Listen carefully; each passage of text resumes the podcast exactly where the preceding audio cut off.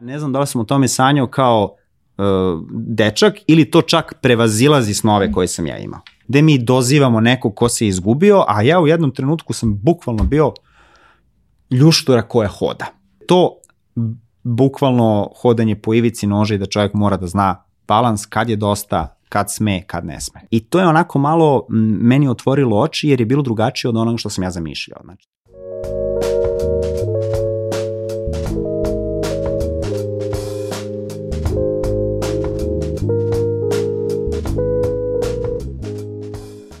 Shvatila sam da smo od početka Fusnota podcasta premalo razgovarali o prijateljstvu, otvorenosti i spremnosti da odmah promenimo svoje planove, čak i kada ništa opipljivo za uzvrata ne očekujemo. Zato sam u gosti pozvala svog bivšeg kolegu iz medija, Dimitrija Ostojića. On je nešto poput Clarka Kenta, samo u službi tima. U svakodnevnom životu je IT inženjer. Avio i vojna fotografija sada su malo po strani a njegov superherojski kostim je crvena jakna Gorske službe spasavanja, čiji je instruktor i spasilac više od 10 godina. Slogan Grand Cafe, hajde da imamo vremena, inspirisao me da se setim koliko je dragoceno da u svetu individualista, makar ponekad budemo deo organizovanog tima koji će pomoći drugima. Zdravo Dimitrije, dobrodošao. No. Nismo se videli nekih 15 godina od prilike. Od prilike. Pričat ćemo o tome posle, ali uh, hajde da ovaj, krenemo onim teškim pitanjem za sve. Ko si u suštini ti? Pitanje je u stvari lako, ali odgovor je jako težak. Um, iskreno, to je odgovor za kojim ja tragam i, i nadam se da ću bar do duboke starosti da, da nađem odgovor na njega. U nekom, nekim kratkim rečima bi mogu da kažem da sam jedna osoba avanturističkog duha koja je veliki zaljubljenik u prirodu do nivoa zavisnosti. A bez čega jedan tvoj dan ne može da prođe? Šta je to obavezno u tom danu? Pa to bi moglo da bude šolja dobre kafe. Mm -hmm. E, pozvala sam te ovde, zapravo shvatila sam da, da sam premalo pričala e, kroz svih ovih 30 i nešto epizoda prethodnih i gostovanja ljudi, da smo premalo pričali o otvorenosti da promenimo plan. Ti si dosta puta menjao i na, na, na dnevnom nivou si spreman da tvoj plan bude promenjen, ali da krenemo od, od promene plana zapravo šta ćeš ti da budeš kad porastiš još, još u srednjoj školi, šta si u stvari hteo da budeš? Ajde krenemo. Inicijalno, inicijalno sam hteo da budem jedna od dve stvari. Ili vojni pilot, znači ne pilot, vojni pilot isključivo, ili vazduhoplovni inženjer da pravim avione. Mm -hmm. To mi je bila neka moja, da kažem, e, klinačka e, ideja moje budućnosti, koja je vrlo lako mogla da se ostvari, ali u jednom trenutku, zbog vremena u kome smo živjeli, te kasne 90. su bile onako komplikovane, stanje u vojsci u tom sistemu nije bilo baš najbolje, tako da odjedan put kad je došao taj trenutak preloma, nekako sam odustao. I ovaj, rešio da krenem nekim drugim putem. Ali si ovaj, u, u tom trenutku negdje tih baš godina kada je trebalo da se odluči ovaj, uzao fotoaparat u ruki i zabeležio uh, posledice NATO bombardovanja u, u tvom rodnom gradu Kruševcu.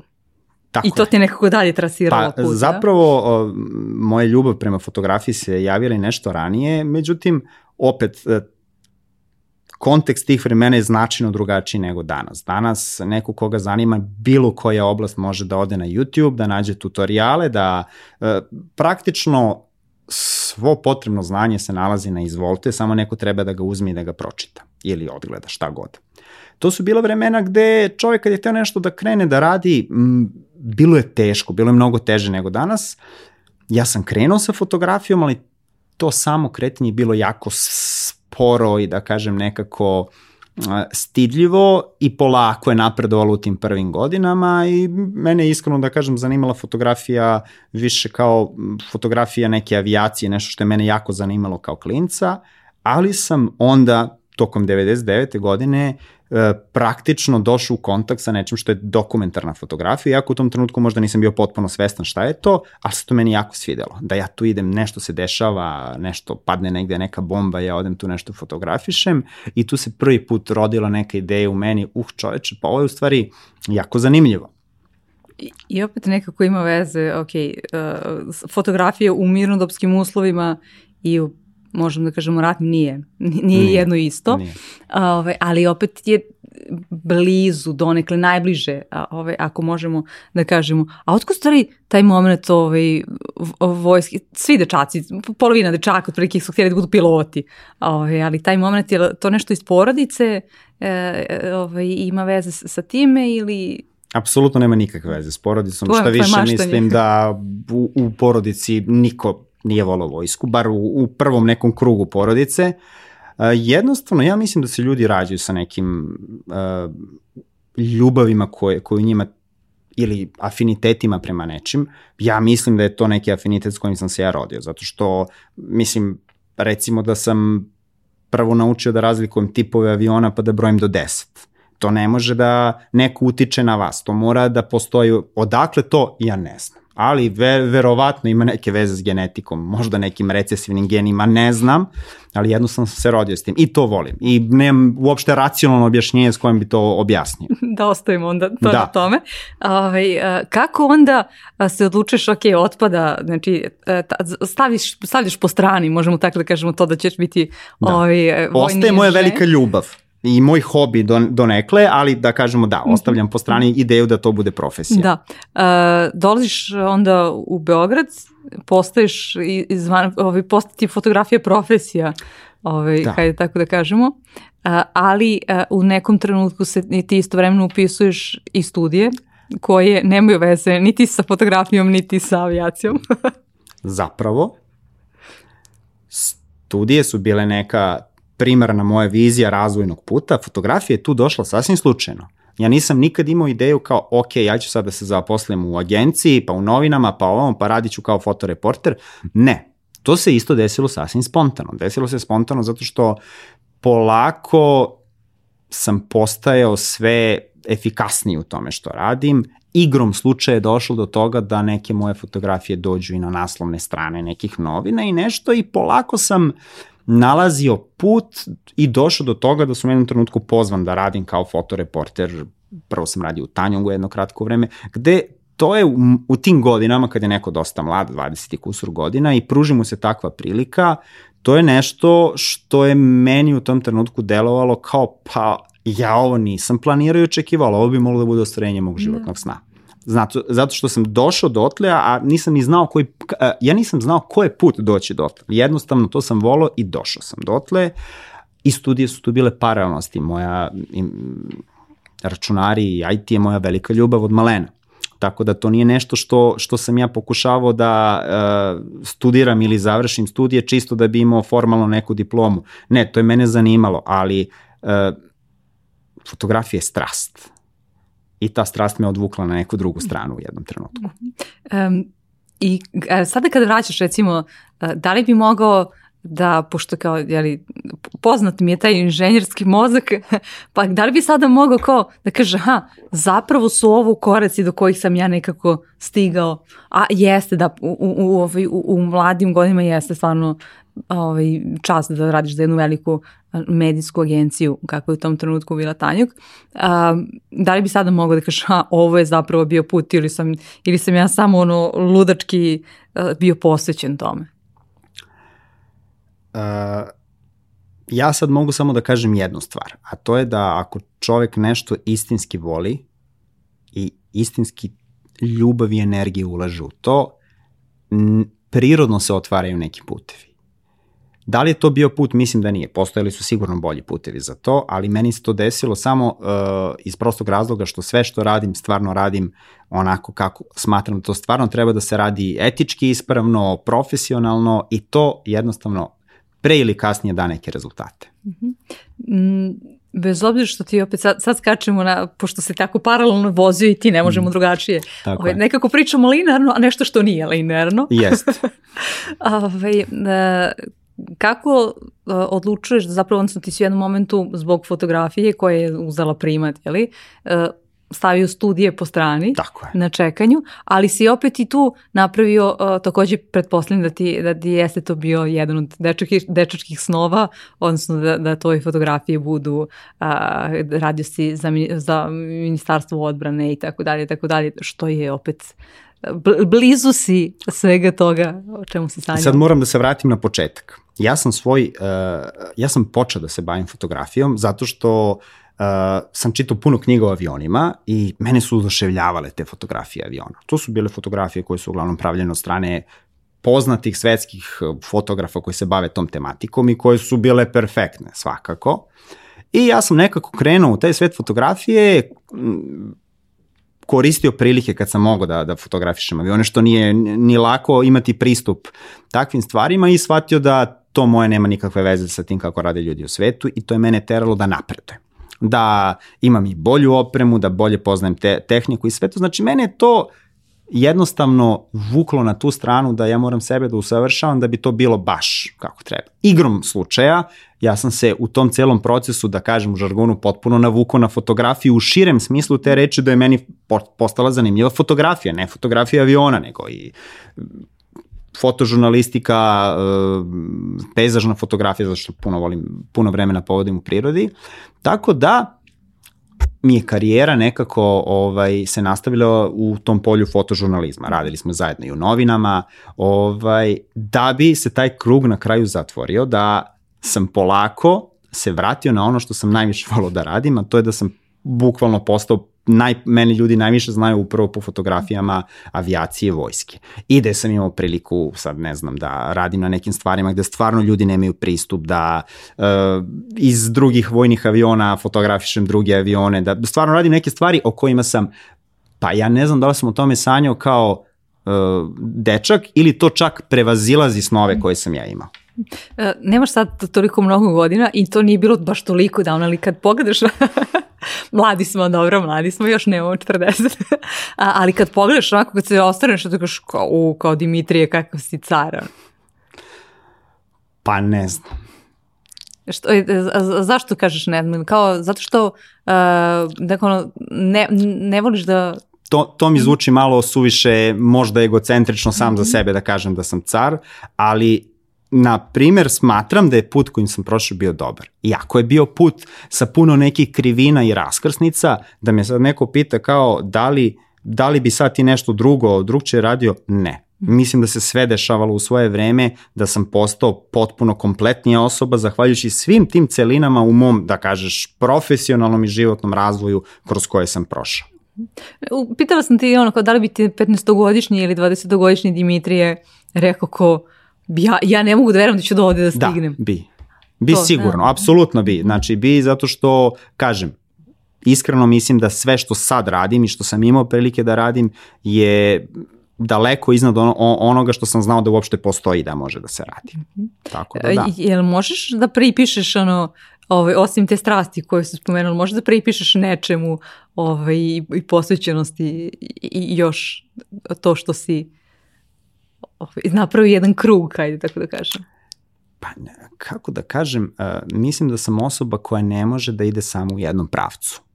Mene zanimaju različite oblasti. Dan danas me zanimaju različite, neke različite sfere i uh, to vam je kao da neko ima više dece pa koje dete više voli. Ne, to su ja sam ja sa svim tim celinama koje postoji. Bez jedne od tih celina to više nisam ja.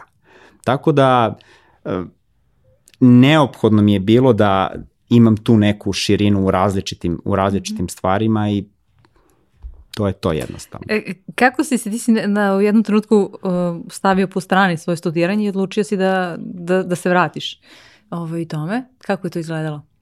Prvi, otkud takva odluka, jer kao bio sam Mo, nekako etabliran fotograf. Možda je to pravo pitanje, zapravo ja sam rešio da napustim svet fotografije kada sam se praktično najbolje pozicionirao već u njemu, imao nek, neku... To izgleda kao Peđa Danilović. Dobro. pa, šta se zapravo, šta se zapravo desilo? Tokom 2000 sedme i osme, da ne, pro, da ne promašim godine, kada su se dešavale one stvari oko Kosova, priznanje nezavisnosti i sve toga, imao sam priliku da dosta vremena provedem na Kosovu. Uh, radio reportaže vezano za nemire koji su se dešavali i za život Srba u enklavama.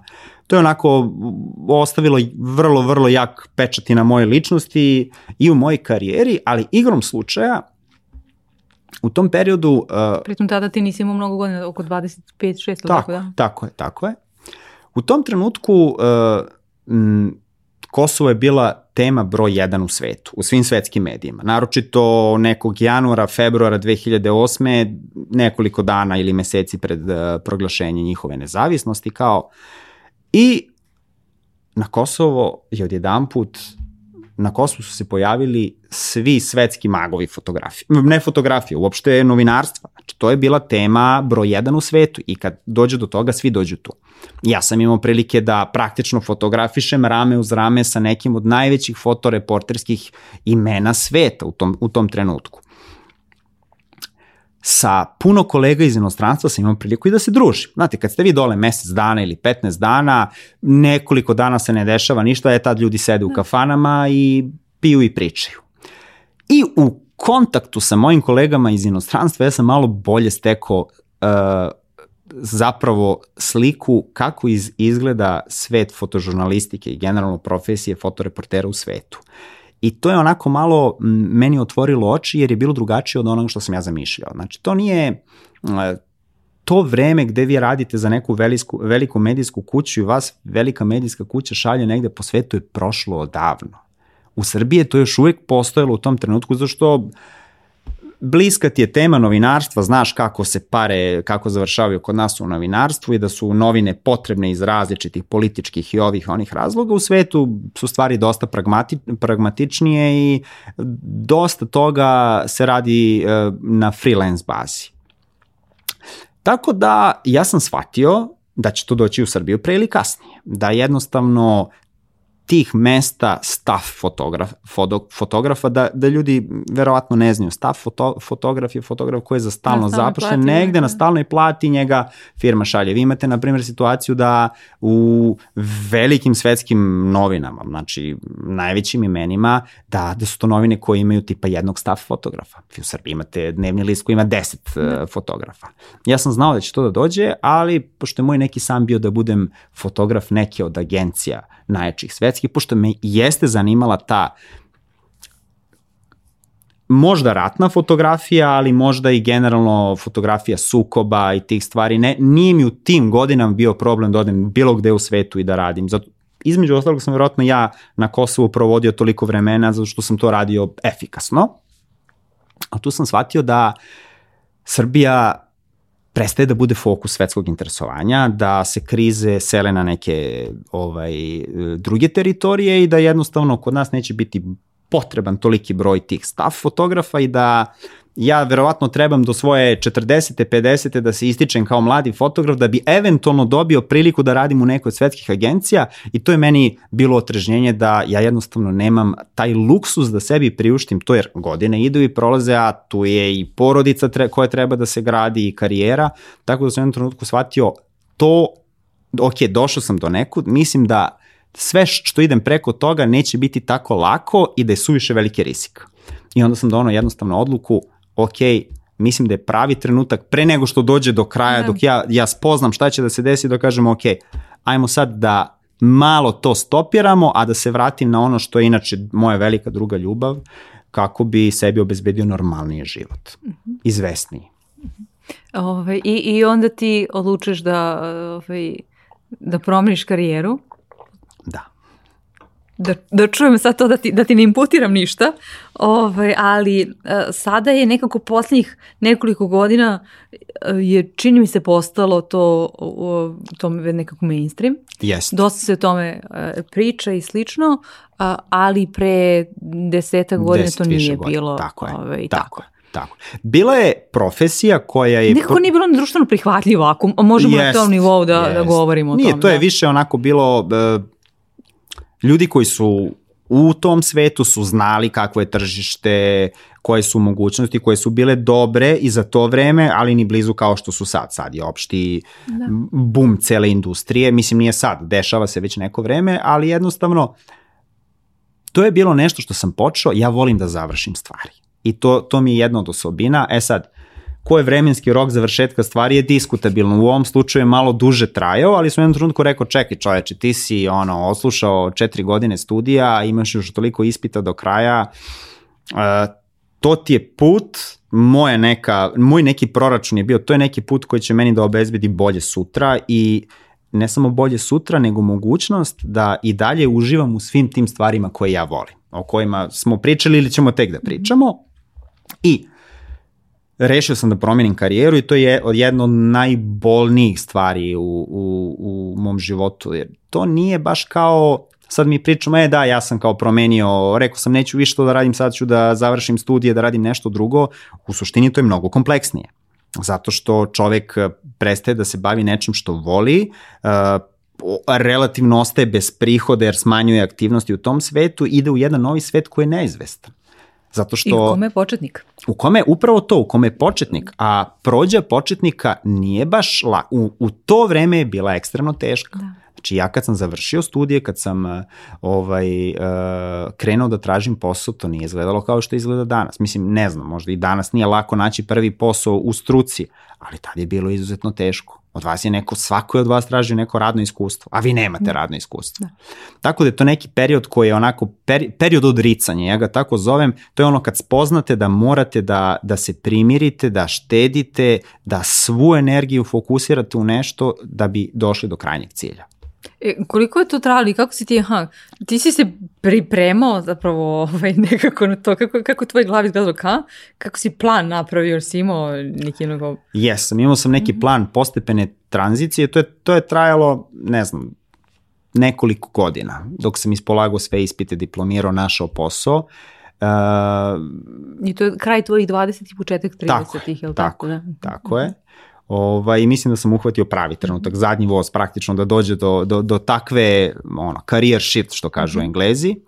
Ovaj, imao sam neki plan koga moram da se držim, uh, držao sam se koliko, koliko sam mogao, uh, to nije crno-bela stvar. Prekinem ovo, krenem ovo, ja sam se i dalje bavio fotografijom i dalje sam imao neke prihode od toga, ne znam, ali to je sve moralo da se, da se spusti na neki nivo uh, preživljavanja do nekog trenutka kad takva je svaka tranzicija, bolna.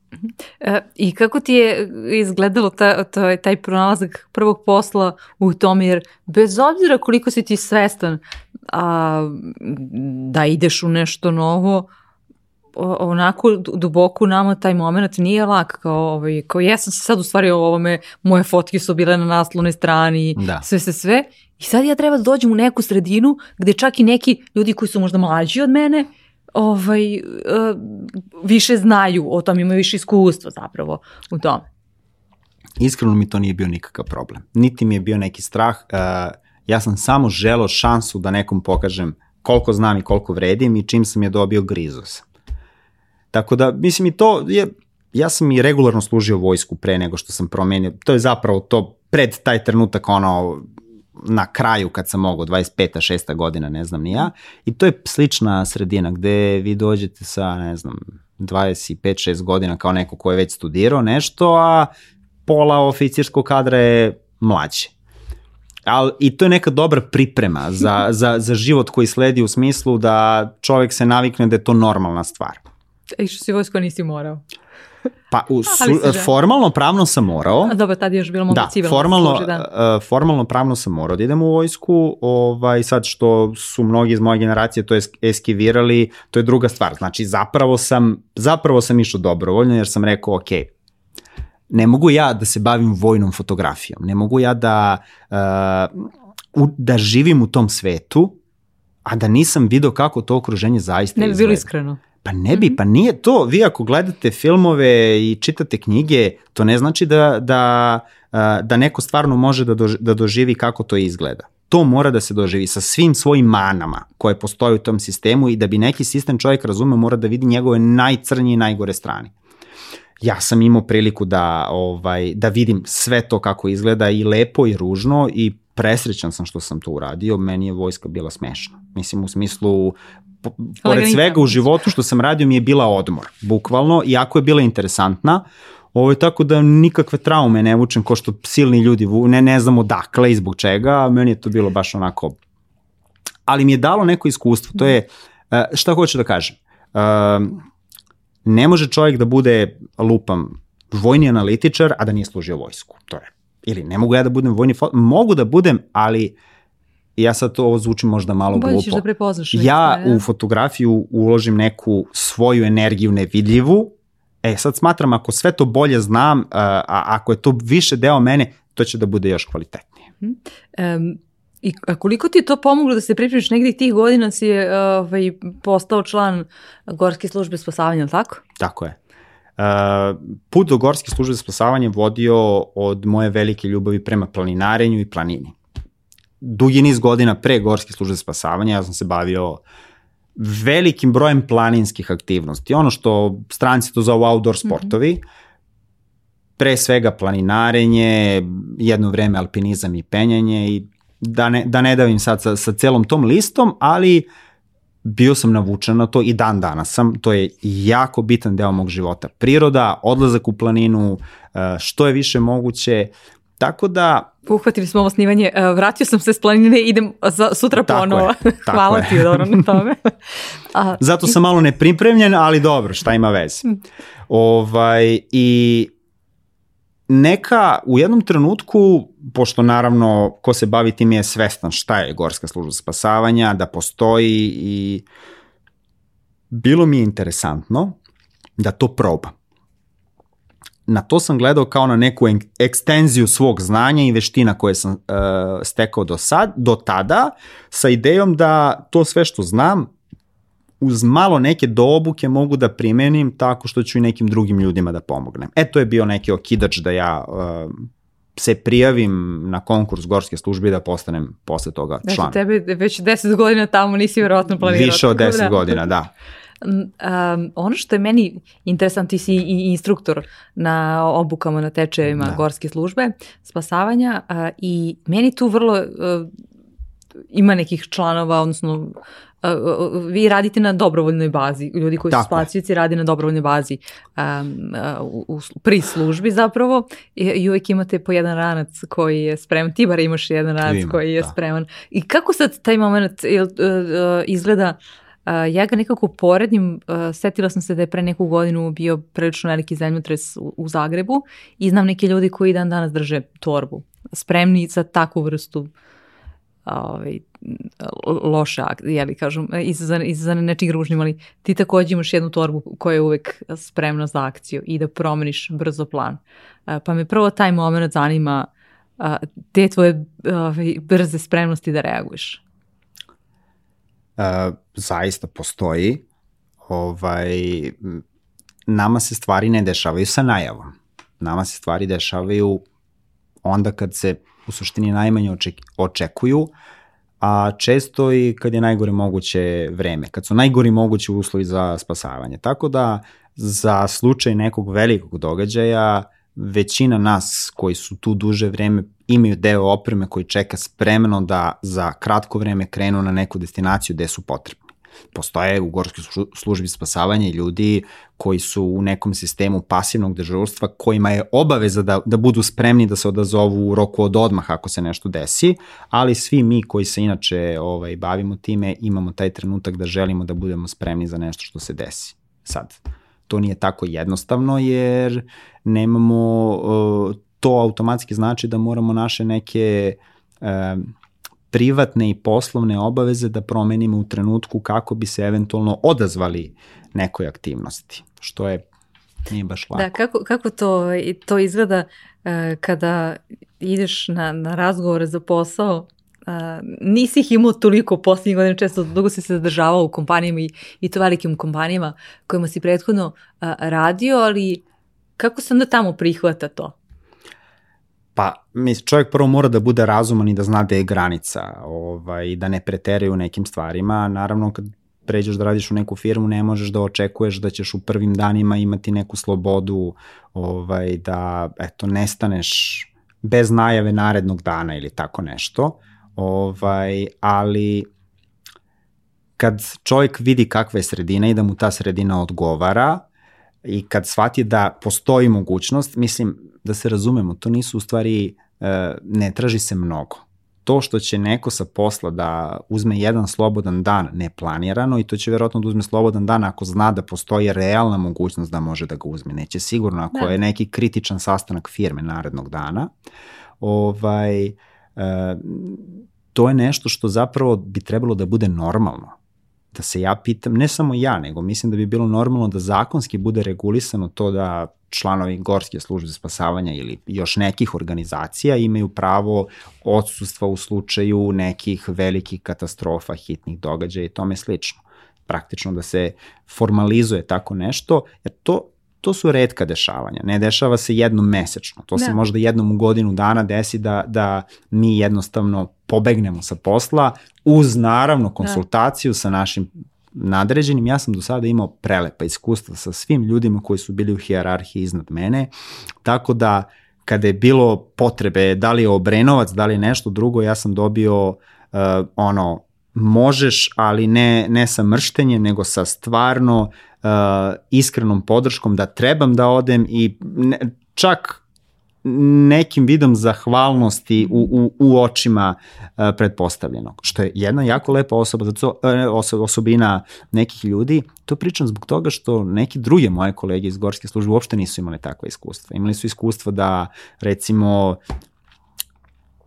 za vreme uh, poplava u Obrenovcu, kad smo svi jednostavno se tamo odjedanput pojavili u rekordnom roku, da šefovi nisu imali nikakvo razumevanje za to i su rekli da, ne možeš da uzmeš slobodan dan. Što je meni nevjerovatno, da, ali da. bilo i toga. Um, kada si spomenuo već taj, taj Obrenovac i to je za, za sve bila uh, bolna ogledna vežba, uh, ali za, u kom kontekstu uh, za članove GSS-a, pogotovo što, da, ti si ustao na, na, na pola svog posla i rekao, ja dobrovoljno rekao da, da treba da ideš tamo, pritom to je uh, vrsta spasavanja u kojoj vi nemate, uh, vrsta ove, aktivnosti koje nemate iskustvo uh, nikakvo.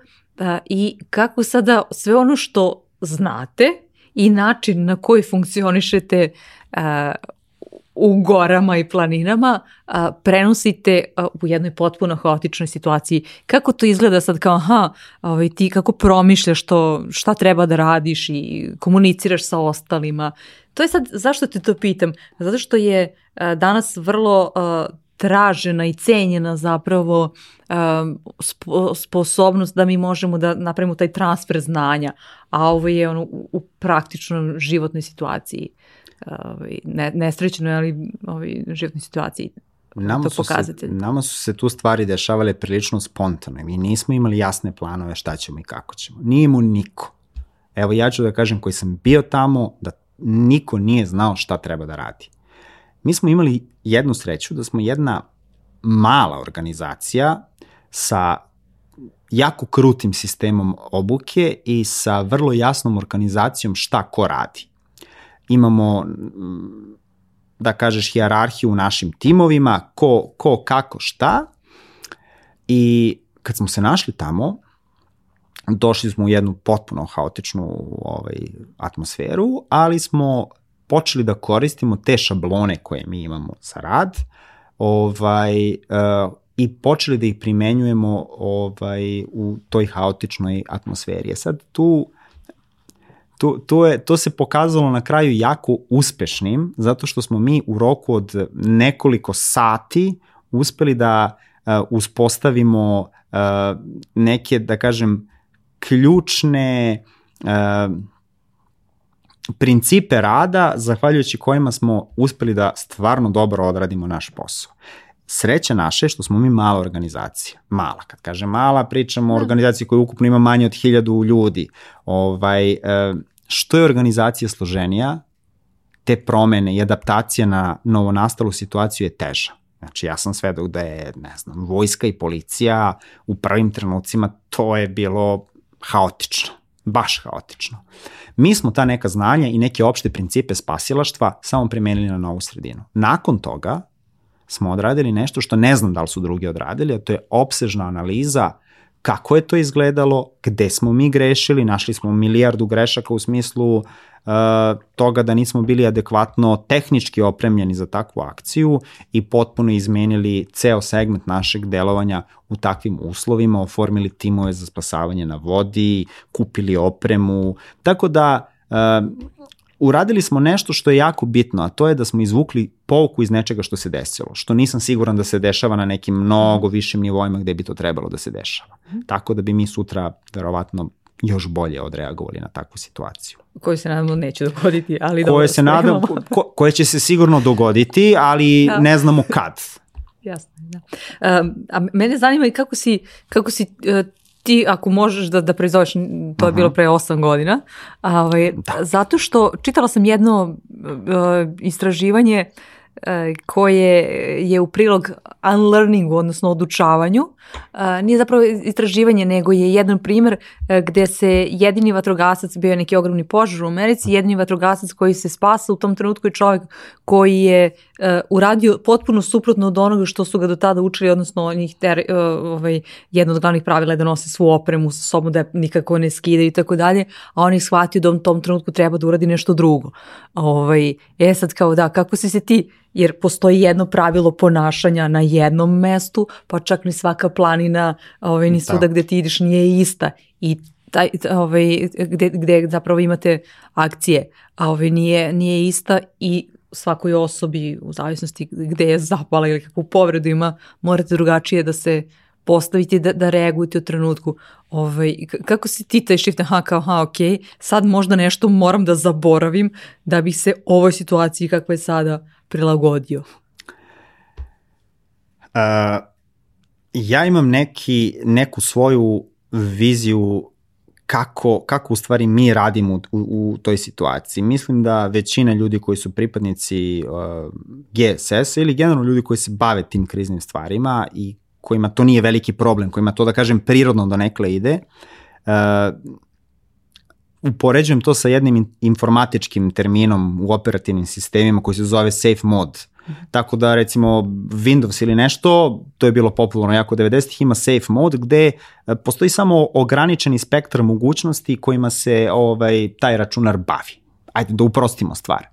E, kad dođe krizna situacija i kad se oko vas dešavaju razne stvari, ja mislim da mi radimo u nekom safe modu gde naš mozak jednostavno bukvalno vrši fokus na ono što se dešava i e, stalno proverava nekoliko osnovnih principa da li su zadovoljeni i u skladu sa tim deluje. A sve ostalo, emocije, e, neke druge stvari, e, to je u tom trenutku potpuno isključeno i tek se javlja nazad kad, kad se to sve završi. Tako da e, mi smo tu, kad je došlo do toga, do Obrenovca i, i svih tih dešavanja jednostavno vodili računa da mi ostanemo živi i uh, pravili rešenja za, problema koje, uh, za probleme koji su se ad hoc dešavali i koji uopšte nisu bili isti. Tako da uh, jednostavno smo bili adaptibilni na situaciju mm -hmm. i to nas je nekako spasilo. Kakav A bilo je opasno, da. stvarno je bilo opasno. Uh, je li ti to pomoglo kasnije kada je neki krizni menadžment u pitanju kako na, na, kako na poslu, tako ovaj, možda i u porodičnim kako ne. okolnostima? Kako ne, Aha. apsolutno. Ali to je, to je upravo taj deo koji, koji, koji sam rekao da je uh, potrebno isključiti emocije i usredsrediti se na rešavanje problema sad ljudski mozak ne može dugo da bude u takvom... Da. Ali ovaj, to je ovaj adrenalin, obično ovaj, kad, kad te proradi jest. adrenalin, Ovaj, to je to fokus na, na samo jednu. Jeste, mislim, po, postoji generalno iz kriznog, menadž, iz, iz kriznog menadžmenta stvari koje se koriste u svakodnevnom životu, tako da koristi ima to mm -hmm. bez ikakve mislim, normalni pametan čovjek će sigurno to iskoristiti i u drugim sferama. Zapravo mi sad pričamo sve vreme o nekoliko različitih aspekta života, profesije, jedno je spasilaštvo, drugo je inženjerstvo, treće je neki vid umetnosti, ali znanja iz svake od tih oblasti je moguće upotrebiti u nekoj drugoj i zapravo uh, upotpunjuje neku drugu oblast. Naprimer, naročito kreativna strana ličnosti i inženjersku stranu. Ta fuzija te dve osobine zna da bude jako produktivna. Uh, pričaj mi malo o tome, ajde. Šalim se, ne, uh, baš, baš me to zanima uh, u kom segmentu posebno si ti uh, uspeo da, da kažem, da prebaciš, tra, da ovaj, napraviš transfer, jeli, toga što ti je, što ti je doneo GSS uh, u, u, tvoj inženjerski život. Jer onako to uh, kucanje koda nije previše zabavno. Jeste na neki način kreativno jer uvijek pronaćeš neki bug. Da. Ovo, ovaj, trudiš se stvari da, da nema bugova u tvom kodu, ali uvijek, neki, uvijek je neki novi problem uh, i tako dalje koji treba da, da rešiš. Uh, I ostalo, ovaj, kako, ti je, kako ti je to pomoglo? Pa, ovaj, što se tiče ovih znanja iz GSS-a, da kažemo iz generalno iz pasilaštva, tu možemo opet da se vratimo na onu stvar koju smo rekli, a to je da se neke stvari rade hladne, hladne glave. Kad dođe do kritične situacije, raditi pragmatično, uh, fokusirati se na rešavanje problema.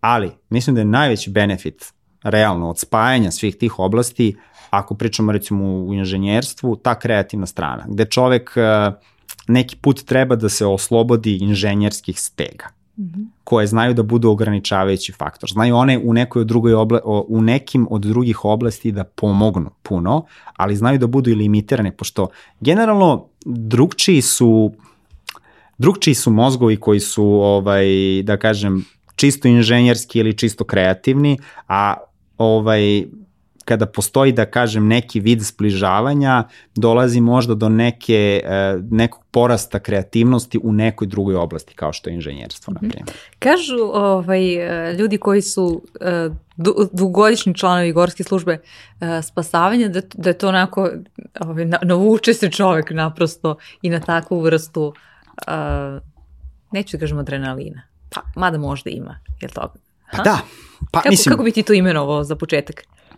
Možda mi treba da se vrati malo ovaj, nazad, kako neko postane u stvari spasilac. Ja mislim da tu postoji više različitih puteva. Naprimer, nekom je od prvog trenutka na umu samo ta pomoć nekom drugom, pa možda i ta satisfakcija od, od, od, od toga što je čovjek uradio neki vid altruizma, nešto, ne znam ni ja.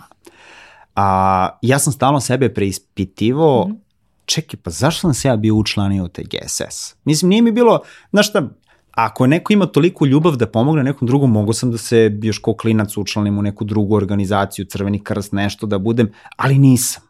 Dakle, meni definitivno nije bio okidač taj, e, ja ću sad samo da pomažem ljudima, već je verovatno bilo uh, kombinacija toga da sam već, da kažem, uh, dobar u nekim planinskim veštinama i hteo da to primenim da pomognem drugima ali bez obzira ko je, ko je pozadina kako ste došli u, u gorsku službu spasavanja, generalno to pravo spasilaštvo, kada dođe do toga da vi stvarno nekom pomognete, da, tipa sanirate neku tešku povredu na nepristupačnom terenu, kad spaše, spasete nečiji život, e, tad se javlja ta neka satisfakcija koju čovjek mislim da ne može unapred da zna da će da se desi. Niti kakav je to osjećaj. Niti kakav je to osjećaj. E, na to čovjek može da se navuče jer je stvarno nešto što je teško opisivo i e, prija nam. Zaista nam prije i vraćamo se tome. Mhm. Ali istovremeno, koliko god sad to bio neki, hajde kažemo, pojedinačan, jako egoističan da. ovaj čin, istovremeno vi morate, ne čak trebate, nego morate da, da delujete kao tim. A, i, I bez toga, mislim, praktično nema ničega. E, kako, balans, kako balansirati ti, eto, lično, ovaj, da mi kažeš svojime, ovaj, te dve stvari? Kompleksna obuka u gorskoj službi, službi spasavanja je uh, toliko kompleksna, teška, često ima i nekog drila i svega toga, upravo da bi imali jasan pregled ko je kakav kao individualac i ko je kakav kao timski igrač. Mi pokušavamo da potpuno odstranimo ljude na, sa, na samim, da kažem, inicijalnim fazama obuke, koji nisu timski igrači. Nama čak nije bitno da li je neko supermen ili nije, da li je on, ne znam, mnogo jak, mnogo dobar, mnogo do, dobar sportista, sve to. Ako on nije timski igrač, on nema šta da traži s nama. Neće se uklopiti u tim, nema šanse. Vraćamo se na ono da često će neko mlađi od vas da, da bude, uslovno rečeno, hjerarhijski iznad i sve to. I jako lepa stvar u GSS-u je upravo to da je većina ljudi ono baš kako treba što se tiče tog aspekta uh, timskog rada. Tako da mi smo na kraju zadovoljni kao tim kad se nešto desi. Zato što ako se radi o nekom tehničkom spasavanju, tehničko spasavanje ne može da, izve, da, da izvede jedan čovek. Tehničko spasavanje izvodi tim od, od 5, 10, 15 ljudi. Znači, 10 ljudi, de, de, više ne znam nija koji broj, zavisno od situacije do situacije, će raditi samo na, uh, samo na tome da postavi neke sisteme u, u žarije i neke, neke tehničke opreme da bi se došlo do ovaj, povređenog. Onda će jedan čovjek da samog povređenog e, smesti u nosila, pruži mu prvu pomoć i onda će još 20 neki drugi da, da ga kroz šumu posle litice vuče do, do, do nekog puta. Tako da svi oni koji su učestvovali u tome su zapravo učestvovali u, spasi, u organizovanoj spasilačkoj akciji i mogu da imaju deo neke te satisfakcije jer su deo Jedni nečega drugih ne bi mogli da, da. Ne bi mogli, uspešno, tako, da. tako. Pa čak i ono u slučaju da, da ne može da se locira nekog gde, koji je izguljen i tako dalje. Tako je, tako je. Znači svako ima svoju ulogu i bez bilo kog dela tog, da kažemo, lanca, taj sistem ne bi funkcionisao. E, kako je, spomenu se i taj moment obuke, meni je vrlo uh, za, interesantan uh, i tada je pitala sam te isto kao, ha, kako uspete da ljude o, ti si i instruktor, zato, da. zato te to pitam, na, na obukama koje su onako uh, XXL vojničke, ako tako možemo da nazovemo. O, uh, I kako uh, ljude uspete nekako Oni to, tamo dolaze do, volonterski isto kao što da. i vi radite volonterski uh, i vi ih ubijete u pojem, što bi, što bi se reklo ovaj, kolokvilno, i govorite mi kako ništa ne znaju, oni su preumorni i tako dalje. Kako uspevate ipak na kraju a, da ih motivišete oni koji, koji prođu a, sve to do kraja? To je igra u kojoj nema samo kritike, tu ima i pohvala ljudi kroz tu obuku imaju priliku da vide i sve te lepe stvari koje mi radimo i jednostavno postaju svesni da to kroz šta trenutno prolaze da je vredno žrtvovanja za nešto više. Mi zapravo tu i na neki način gledamo i filtriramo da vidimo da li je neko svestan toga ili nije. Ako nije, možda će da postane svestan za godinu, dve, možda, njega, možda nije za to jednostavno.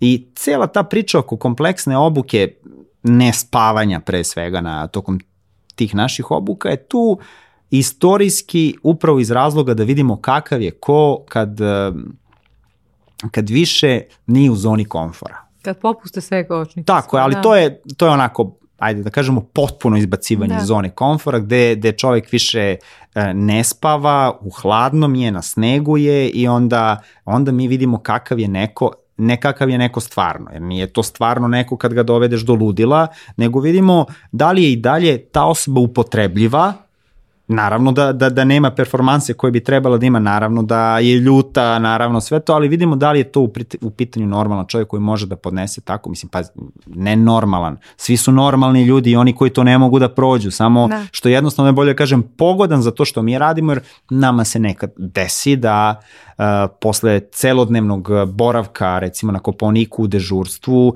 koje zna da bude jako psihofizički naporno, zato što u nekim u piku sezone to je bukvalno idemo sa jedne povrede na drugu i onda posle toga kad treba da dođe vreme za odmor popodne nama jave tamo kad smo seli za sto da ručamo ili večeramo šta god, da se neko negde izgubio i taj isti tim ljudi, nema I ko drugi. I to je isto, to je mrak i vjerojatno neko loše vreme Tako i je, pa čim su se izgubili, pada da. sneg, magla, ovo, mi ustajemo i krećemo da tražimo. I sad to može da traje do narednog jutra. I sad mi hoćemo da znamo da li su to ljudi koji mogu da izdrže, e, da žrtvuju sebe i da imaju dovoljne energije da uspeju da izvrše zadatak i u najgorim mogućim okolnostima. E, prisjeti se sada nekih tih najgorih mogućih situacija u kojima uh, si bio i šta sad tad sebi kažeš, kako sebe u, u tom trenutku uh, ohrabriš da ono, nastaviš dalje. Ti kao, kao neko koji je penjao a, ovaj, razne vrhove verovatno primenjuš to kao aha, malo ponekad pogledamo na vrh, ali se vratim ovaj, dole da, da vidim šta je ispred, ispred mojih nogu. Znam da za baš neke, e, pričali su mi kad se penju Kilimanjaro, to i poslednji a, uspon idu noću da ne bi ovaj, videli sve što se dešava kako izgleda taj put. A... Ali da čujem tvoje iskustvo, nevezano za, za ovo poređenje. Uh, generalno... Dakle, neka teška situacija, kada kako to unutra sebe voziš da kažeš, e, izdrži legendo Dimitrije? Najteža situacija koju sam doživao je na kursu, da se razumemo. Znači, taj nivo nespavanja i taj nivo, uh, da kažem, fizičke iscrpljenosti u praksi nisam doživeo, čak nisam nikad doživeo ni u, u ovaj, ostatku svoje planinarske karijere na u svim tim penjanjima na kojima sam bio, zato iz prostog razloga što redko gde uspete da spojite 5 dana da ne spavate, a da ste ceo dan na terenu. Ovaj, to je bilo baš onako čudno iskustvo gde u jednom trenutku mislim da sam se pretvorio u zombija. Bukvalno. Van telesno, skoro pa van telesno. Da. Evo ja najiskrenije smatram to, na, ja, ja mislim da sam sebe gledao kao sad iz drona, što slikaju ovako iz, iz, iz ptičije perspektive kako ja hodam po nekom snežnom brdu gde mi dozivamo nekog ko se izgubio, a ja u jednom trenutku sam bukvalno bio ljuštura koja hoda. Ali ovaj, ja sam mislio da sam pao kurs verovatno, da to je bilo recimo u 6 ujutru posle 5 dana nespavanja, naravno svi su bili takvi, nisam ja bio jedini, samo što se nisam srušio i dalje sam to kao radio je sad. Što je najgore verovatno da je neko bio pored mene na 2 metra, ja ne bi uspeo da ga vidim u takvom stanju, ali dobro. To je, to je, to je neko iskustvo koje je ovako teško. Što se tiče pravih akcija spasavanja, taj Obrenovac je bio jeziv. Ne zato što je bio težak, inače sam bio u nekim mnogo opasnijim, daleko opasnijim situacijama, ali na planine je naše prirodno okruženje, ja. planinara i spasioca. A taj Obrenovac, to je bilo jedno čudo gde vi idete u grad koji je poplavljen do nivoa da negde voda preko prvog sprata, gde e, nemamo adekvatno, idemo sa čamcem koji bukvalno može svakog trenutka da se prevrne, a mi nemamo prsluke za spasavanje. Sad, koliko god da je neko dobar plivač u, u tome što nije reka, nije više, ne, ja ne znam kako to da nazovem, to je jako opasno. A pri tome oko vas samo i jauci, životinja i krik, mrak, znači to je onako baš, baš, baš jezivo. Ovaj, a ostale akcije, to je to su organizovane spasilačke akcije i mi tu imamo svoju metodologiju kako radimo i nikad nije bio neki stvarno veliki problem da završimo bilo šta. A, a kako se posle, recimo, eto te situacije iz Obrenoca ili ukoliko si bio svedok neke prilično teške povrede, da. kako se onako, kad, kad se završi to, kad oneš da se sabereš i tako dalje, da kažem kako se ono, iščistiš od toga? Prvo je, prvo što je teško, prvo psihički teško je da čovjek krene da preispituje sebe da li se odradio kako treba. To je prva stvar. Da zato što uh, mi možemo da spasimo nekoga, možemo i nekog da upropastimo. Mislim, možemo, ali zato imamo neku dosta strogu obuku iz oblasti uh, pružanja prvo pomoći koja bi trebala to da spreči. Ali svakako čovjek ne može sve situacije da pokrije teorijski, tako da neki put se susretnemo sa nečim što nismo očekivali i onda kreće to preispitivanje da li je sve kako, kako treba. Često bez obzira kad smo potpuno sigurni da smo uradili sve kako treba, recimo na skijalištima gde postoji najveći broj povreda, ovaj, uh, mislim da se većina nas stvarno smiri onda tek kad dobije neku povratnu informaciju da je taj neko dobro. Mm -hmm. I onda posle toga je zapravo sve to postaje uslovno rečeno lep događaj jer je sve ispalo kako treba, ali uh, utiče to na čovjeka. Sad ne mogu možda detaljno da, da, da lepo obrazložim kako, ali svakako nije, ako dođe do teže povrede, nije to da, da. lako. I kako pre, prebrodiš to ovaj, ovaj, onako da kažeš, aha, ok, ja sam u tom trenutku dao sve od sebe i, ili šta god, da je jednostavno, aha, to, to je život. Ono. Čovek kad se opredelio za spasilaštvo, on mora da ima taj stav ne možemo da budemo ovaj previše emotivni u, u tim stvarima u tom trenutku, jer onda mislim da ugrožavamo bavljanje samim spasilaštvom. Moramo da budemo hladnokrvni, ostavlja trak. Sigurno, uh, u principu, zavisi ko sa kakvom situacijom se sreo. Znači, sve situacije u koje su umešana deca su teže za rad i gore. Ja na svu sreću do sad nisam imao nikakvu situaciju gde se nešto drastično loše desilo tog tipa, ali nije da nije bilo situacije u prošlosti. Ima puno situacija koje su, da kažem, onako jezive same po sebi, a nemaju veze sa spasilaštvom, a to je uh, nije više akcije spasavanja, to su već, to pričamo o akciji praktično uh, transporta leša iz uh, neke lokacije koje dru, svim drugim službama nedostupna, koje isto na ljude mogu da ostave tragove, zato što to nisu neki prizori koji da. su lepi. Mm -hmm. S druge strane, ti osim takvog vrsta boravka u prirodi, praktikuš mnogo drugi vrste počeo si da se baviš između ostalog i kanjoningom, što, što je redkost za, ovde nije toliko postaje polako ovaj, popularno, a, jer, jer tu onako, a, jer tvoj život izgleda onako od ponedjeljka do petka uh, živim jedan miran porodični život, a onda ovaj, za vikend sam ad, adrenalinski. Ono, pa jeste, s tim, s, tim, s tim što pokušavam taj miran porodični život da produžim, da bude i porodični život mm -hmm. vikendom, zato što smatram da ne ekstreman, naravno, smatram da s porodicom i sa decom treba provoditi što više vremena u prirodi, tako da se ja stvarno trudim, evo, sad sam došao, bio sam na Durmitoru četiri dana sa decom, ovaj, e, ali u suštini da, i često kada dođu postoje tokom godine neki delovi koji su, da kažem, sezona za određene aktivnosti. Tako, na primer, e, kraj zime je aktivnost, veliki sam ljubitelj uh, skijanja, a posebno turno skijanja. Turno skijanje je jedan specijalan vid skijanja gde čovek ide sa skijem koje mogu da idu uzbrdo. Ajde da kažem nekim mm. prostim rečima i to čoveku daje mogućnost da ga više ne zanimaju ski centri koji su puni ljudi, koji su puni glasne muzike, nego omogućavaju bavljanje uh, istins, da, da, da imamo istinski kontakt sa prirodom, da odemo negde gde niko drugi nije i da skijemo tamo gde niko nikad drugi nije e, prošao, ali ta sezona je da kažem mart recimo april ili, ili tim, na velikim planinama da. kad, mm -hmm. kada, kada je dugačak dan, kada može puno da se odradi, često dođe u tim trenucima situacija gde tokom radnih dana se dobar deo vremena troši na pripremu aktivnosti, izučavanje, gde ćemo ići, šta i onda dođe vikend da, da se ode u neku akciju. I sad, izazovno je sve to uklopiti, naravno, ali da, ja živim za vikend i za odlazak u prirodu.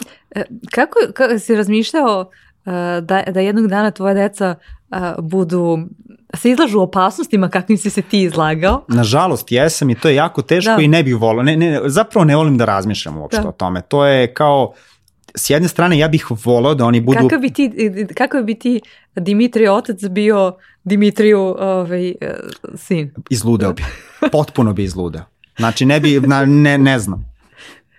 Da. Potpuno, bez obzira što ja tu sredinu jako dobro da. znam, što uh, te opasnosti sagledam dosta druga, drugačije nego ti, na primjer. Tebi verovatno mnogi stvari koje radim izgledaju kao ono smrtno, ekstremno opasne, a meni nisu, ali ovaj ne bih volao da... Ali, ali možda Dimitriju ocu uh, bi će jednog dana kada vidi Evo, svoje deca. Up, upravo to. To je malo onako puno sam razmišljao da. o tome i plaši me. Iskren, iskren da bude. Da. Baš me plaši. Ove, nećemo sad ove te bolne teme, vidjet ćemo se za jedno 15 godina pa ćemo da vidimo dokle smo stigli kao roditelji.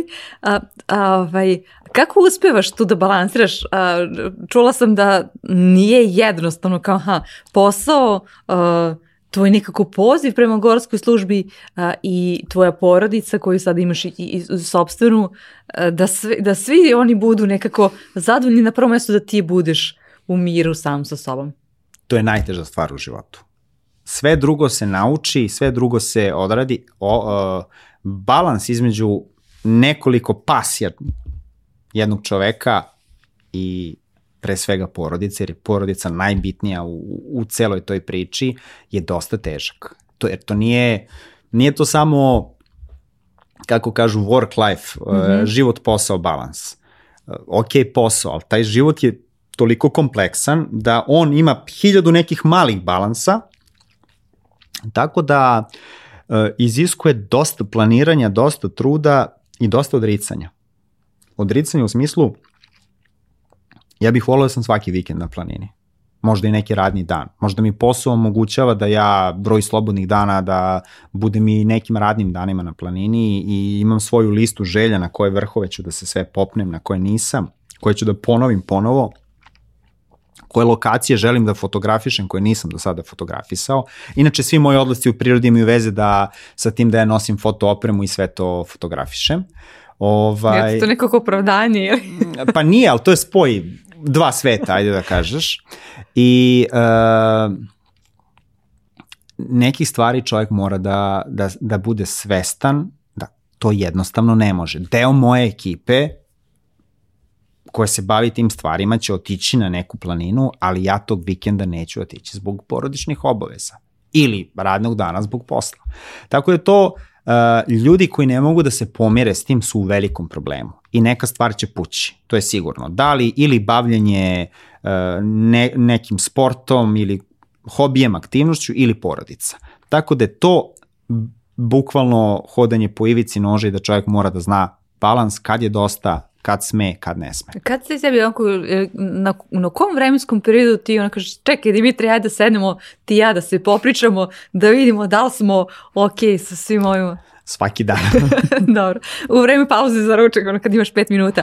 Um, na, na kontu toga što si rekao da, da je tvoj odlazak u prirodu vezan i uh, za fotografiju, te, koliko te to sada s jedne strane, da, mesta gde odlaziš su predivni prizori i šteta bi bilo da ih ne, ono, ne zabeležiš i dokumentuješ, a s druge strane, em što nosiš tu opremu, em što ne idiš i samo to ha, kao uživam u nekoj šetnji, u tom miru i spokoju koji je tu negde i tako dalje, već treba da zastanemo ovde, pa treba da promenim objektiv ili šta god, ovaj, da, da, da nešto uhvatim, pa kao, pa nije mi odavde ili, e, penću se tamo, neću ovde, ovde mi je bolji kadar i kako god.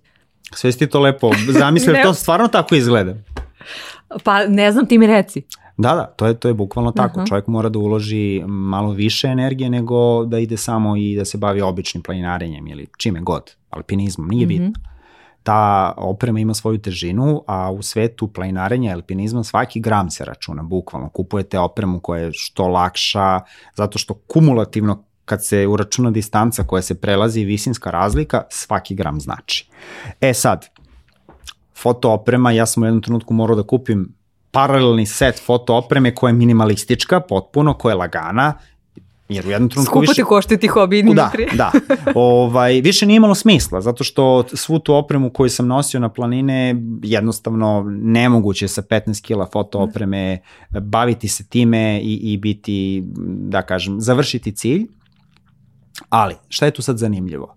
Zanimljivo je da sam ja probao par puta da idem bez bilo kakve foto opreme na planini i nije mi to to. Evo, iz jednog prostog razloga, ja potpuno uživam u prirodi, ja mogu da odem u šetnju u prirodi bez fotoaparata, ali da odem na neku od destinacija koje se meni sviđaju, a iskren da budem, te destinacije gde ja idem, uglavnom se trudim da budu jako zanimljive, da su manje posećene, da su skrivene, da su e, estetski, ja volim estetske lepe mhm. vrhove planina, na primer, ovaj, i volim da su što dalje od uh, civilizacije to je greota otići, a ne dokumentovati sve to. Naročito što se često stvore neki atmosferski uslovi koji su neponovljivi i koje je lepo preneti drugim ljudima. E, sad u kontekstu toga, uh, ja praktično uživam u tri faze bavljenja planinom. Prva faza je priprema same rute gde ću da idem. Često sam ja taj igrom slučaja koji organizuje gde će da se ide i onda ja to po kartama pravim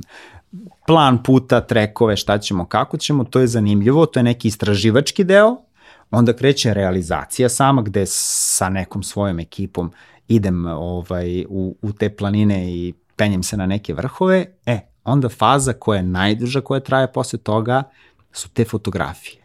Sređivanje, obrada tih fotografija, eventualno napišem neku blog temu koja opisuje to mesto gde sam išao ili šta već, ali ja sa tim trenutkom fotografisanja svega toga mislim da sam trajno sačuvao mm -hmm. to što se desilo i da nije bio više samo jedan trenutak u vremenu kad je meni bilo lepo ili teško, pošto je bilo situacija u planini koje su stvarno onako... I sa tolikom opremom, ali verovatno to nije jedino što, što te muči u tom trenutku. Da. da.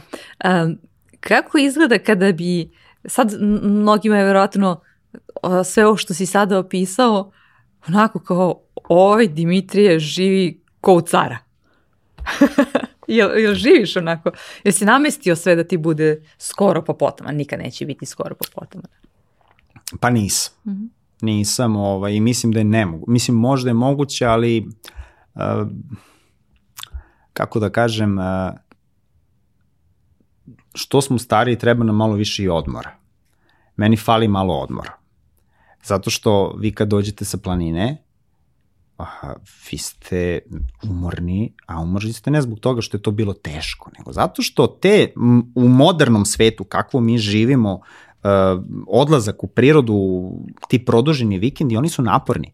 Mi posle radnog vremena, evo kao što ću ja sutra, recimo, sutra je petak u 4 sata da sednem u auto da vozim do, ne znam, Republike Srpske, gde već, ovaj, umrni s posla, krećemo da vozimo, idemo tri dana u planinu, penjamo se svaki dan, radimo nešto i onda se vraćamo i taj ponedeljak uh, nas čeka normalan posao i čeka nas porodica, nama nema neko drugi da čuva decu i da, da učestvuje u redovnim životnim aktivnostima i onda se akumulira taj umor i meni, na primjer, fali, fali vremena gde ne bih ništa radio. To je nemoguće, ja sam svestan toga i iz tog razloga smatram da nije sve onako idealno kako bih ja želeo, ali se ne žalim, nego jednostavno ovaj, ako mislim da sva ta energija koja se uloži u nešto, da je vredna nekog tog drugog odricanja. Uvek postoji neki balans.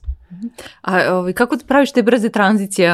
Dođeš u, u, ovaj, u nedelju uveč ili u ponedeljak ujutro, ostaviš opremu i onda već kad, kad ti počinje radno vreme, ponedeljak u 8 ili 9, da. treba da sedneš i ovaj, da, da, da budeš taj Dimitrij koji piše kod fokusiran na potpuno to, to se od tebe traži. Taj ponedeljak je najbolji za rad. Tad mozak radi opet u onom safe modu, zna šta treba da radi, ne, nema Prsti sami da, nikakve obstrukcije, samo jednostavno, ja mislim da je kompletan fokus kad dođe ponedeljak, a ostatak jednostavno uh, čovjek postane svestan da je drugačije nemoguće. Mm -hmm. I pošto je drugačije nemoguće, mora tako, kad nešto mora tako, to je tako i radimo. Da. Uh, za kraj pitanje, uh, bez kog znanja ili vištine ti danas ne bi bio ovaj Dimitrije sa kojim ja razgovaram? Ili osobine? Mm, možda osobina, adaptilnost. I to možda ima veze sa onim što si me u početku pitala oko promene. Po, uh, mislim da imam tu osobinu da sam sposoban da promenim mišljenje, da se adaptiram na novonastalu situaciju, da ovaj, ako nešto ne može ovako, da nađem zaobilazan put do toga i mislim da mi je to puno po, pomoglo u životu. Baš puno. Hvala ti na ovom razgovoru, da, da ti onda ostavim dovoljno vremena da, da se spremiš za novu avanturu. Hvala tebi.